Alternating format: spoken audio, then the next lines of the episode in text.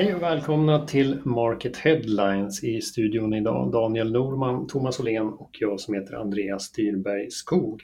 Veckans rubriker. Tansen går på offensiven. H&M och Axfood sticker ut i ny kartläggning och Åhléns Outlets plötsliga inbromsning. Vi går direkt in på mest läst den här veckan. Det är nämligen butiksreportaget från Tansens nya butik i Falkenberg. Det är den andra butiken de öppnar i Sverige. Det var vår eh, frilanskollega Agneta Renmark som spanade in den butiken. Men eh, Daniel, du har ju haft mycket kontakt med dem eh, sedan de offentliggjorde sitt intåg i Sverige. Vad har du fått för intryck så här långt av Tansen? Nej, men det känns som att de, de är offensiva. De, de, har ju tidigare kommunicerat att de ska öppna drygt fem, sex butiker per år och man har ju för i år tror jag signat fem kontrakt. Man öppnade en butik förra året och har mm öppnat ytterligare en nu då i Falkenberg och har väl ytterligare fyra öppningar på gång innan 2023 är slut. Ja, det är väl det intrycket jag också fått. Väldigt offensiv attityd. Sikta på 100 butiker inom 10 år är väl det långsiktiga målet. Eh, tror ni att de kommer lyckas nå det? Oj, det låter väldigt offensivt eh, tycker jag. Men, eh, men det var ett häftigt reportage som du publicerade Andreas via Agneta Renmark. Då väldigt spännande butikskoncept. Och jag tror att förutsättningarna är, är goda på så sätt att det inte bara är så att det är ett bilvaruhus som eh, kanske fokuserar på korv och bröd utan eh, faktiskt en hel del service också där man mm. om man har tummen mitt i handen eller har andra utmaningar kan verkligen få hjälp när man går in i en sån butik. Det eh, känns nästan lite som, jag vet inte Daniel, du får korrigera mig, känns lite som Kjell Company delvis. Mm. Mm. De möter ju konkurrens också från, från en finsk utmanare som, som kommer in i Sverige från andra hållet och som mm. också satsar mycket på det här servicekonceptet eh, som öppnar i höst sitt eh, Motornet. Jag pratar om som öppnar sitt första varuhus i höst i Sundsvall och som har tre lägen klara. Och bägge två har ju väldigt offensiva planer så det är frågan om det finns utrymme för så många varuhus för, för bägge de kedjorna. Plus de vi redan har i Sverige. Då. Det blir en intressant eh, duell där. Man har lite olika strategi. Tansen går in väldigt eh, snabbt och Motornet verkar vara lite mer eftertänksamma i sina etableringar. De har väl ändå tre lägen klara i eh, Sundsvall, Gävle, Örebro då. Så det kommer väl dröja ett tag innan de möts på samma marknad, de här två finska Motornet och eh, danska Tansen. Men eh, det blir intressant att se dem mäta sig mot varandra. Motornet har ju, det känns som de har modifierat planen lite eh, sen, sen de offentliggjorde sina planer för Sverige också. Att, eh, de sa då att de skulle börja med norra halvan av Sverige längs eh, Norrlandskusten och sen offentliggjorde de plötsligt en etablering i Örebro, det får man väl ändå säga. Ligger i den södra halvan av Sverige. De, de kanske vill möta Tansen lite tidigare och utmana dem innan tansen har gått för långt så att säga. Nej, men jag skulle precis säga det, det kan ju vara någonstans vid Mälardalen som de här två mm. kedjorna så att säga, möts på allvar sen då. Om de vandrar norrifrån och söderifrån. Så att... Dansen börjar närma sig. Eh, Västervik har de väl, är väl den nordligaste butiken de har eh, offentliggjort hittills. Får se när de stöter på varandra. Eh, vi lämnar Tansen och Motonet vi går vidare till eh, veckans näst mest lästa artikel och där hittar vi Thomas Åhlén. Eh, du har gjort en stor bokslutskartläggning som jag har kört ut i två delar på market.se. Eh, jämfört den ekonomiska utvecklingen sedan 2019, alltså innan pandemin, för 100 av de största detaljhandelsaktörerna i Sverige. Vad kan man dra för slutsatser i stort av, av den kartläggningen?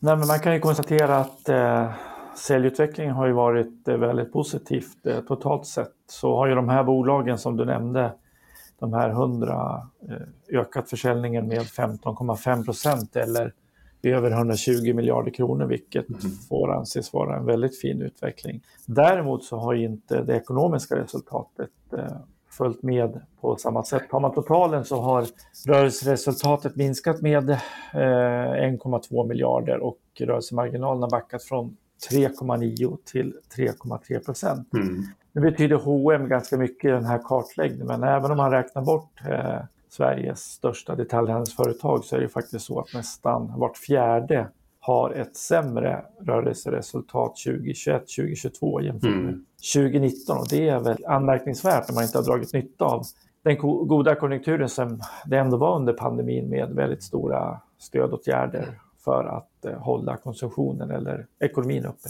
Mm. Eh, jag nämnde ju den Axfood där i inledningen. På vilket sätt sticker de ut i den här kartläggningen?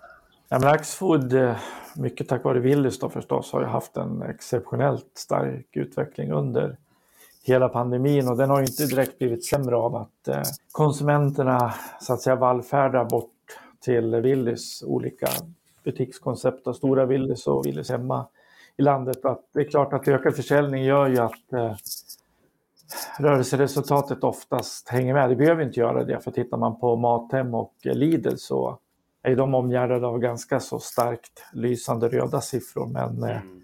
högre volym i dagligvaruhandeln är ju som de flesta vet, det påverkar ju resultatet eftersom det är en låg marginalbransch. Och, och dessutom har ju Axfood i slutet av 2021 eh, köpte man ju grossisten Bergendahls Food och gick in som delägare i, i Citygross. Så det har ju ytterligare drivit upp volymerna ganska mycket då för framförallt för deras eh, grossistbolag eh, Dagab. Volymerna har ökat rejält för Axfood, plus 22 miljarder kronor, det stora belopp det handlar om här. Om vi gör den här kartläggningen med motsvarande siffror för 2023 eller 2024 finns risk att det ser ännu dystrare ut då va? Ja, det skulle jag verkligen tro. Eh, vi lät ju Jonas Arnberg, tidigare VD på HUI och eh, fristående fristående experter, kommentera de här siffrorna. Och eh, hans slutsats var ju att det är lite märkligt att man inte har kunnat dra nytta av de här goda tiderna och han ser ju ganska många mörka moln på himlen nu med inte minst beroende på att Riksbanken drar ju upp räntan ganska mycket. 3,5 procent är ju styrräntan nu. Det blir väl sannolikt en höjning i slutet på juni, vilket kommer att påverka konsumtionen ganska mycket. Framförallt mm. för alla människor som har bolån och det är ungefär hälften av befolkningen. Så då ska betala ännu mer till, till banken och kan eh, liksom konsumera mindre än vad man kunde göra tidigare i lågräntemiljön. Ja, verkligen. Det blir en oviss höst för handeln och samhället. Vi går vidare. Olens Åhléns finns med och utmärker sig med svag utveckling i Thomas kartläggningar. Desto bättre har det gått för Åhléns Outlet. De har ju etablerat sig snabbt på marknaden och på fyra år nått 280 miljoner i omsättning och eh, visade svarta siffror för första gången 2021. Men sista tiden eh, har det väl inte varit ovanligt tyst om dem då, Daniel. Vad, vad beror det på egentligen? Ja, men det har ju varit det. De, eh, förra året så öppnade man ju fem nya varuhus samt byggde om då varuhuset i Västerås som påverkades av branden där på Erikslund där mm. fastigheten som Jula och Jula och Willys låg i totalt förstördes. Eh, och eh, efter det så har det inte hänt så mycket. Man öppnade mm. det 15 då, varuhuset 18 november. Och eh, Stina Claesson sa ju till oss här tidigare i veckan att eh, dels har man inte hittat rätt läge för att öppna, men också att man behöver en liten återhämtning efter det intensiva fjolåret. Men dessutom pekar hon ju på att man eh, också behöver stuva om lite i kunderbjudandet eh, på grund av ett ändrat kundbeteende då, mm. på grund av den ekonomiska situationen.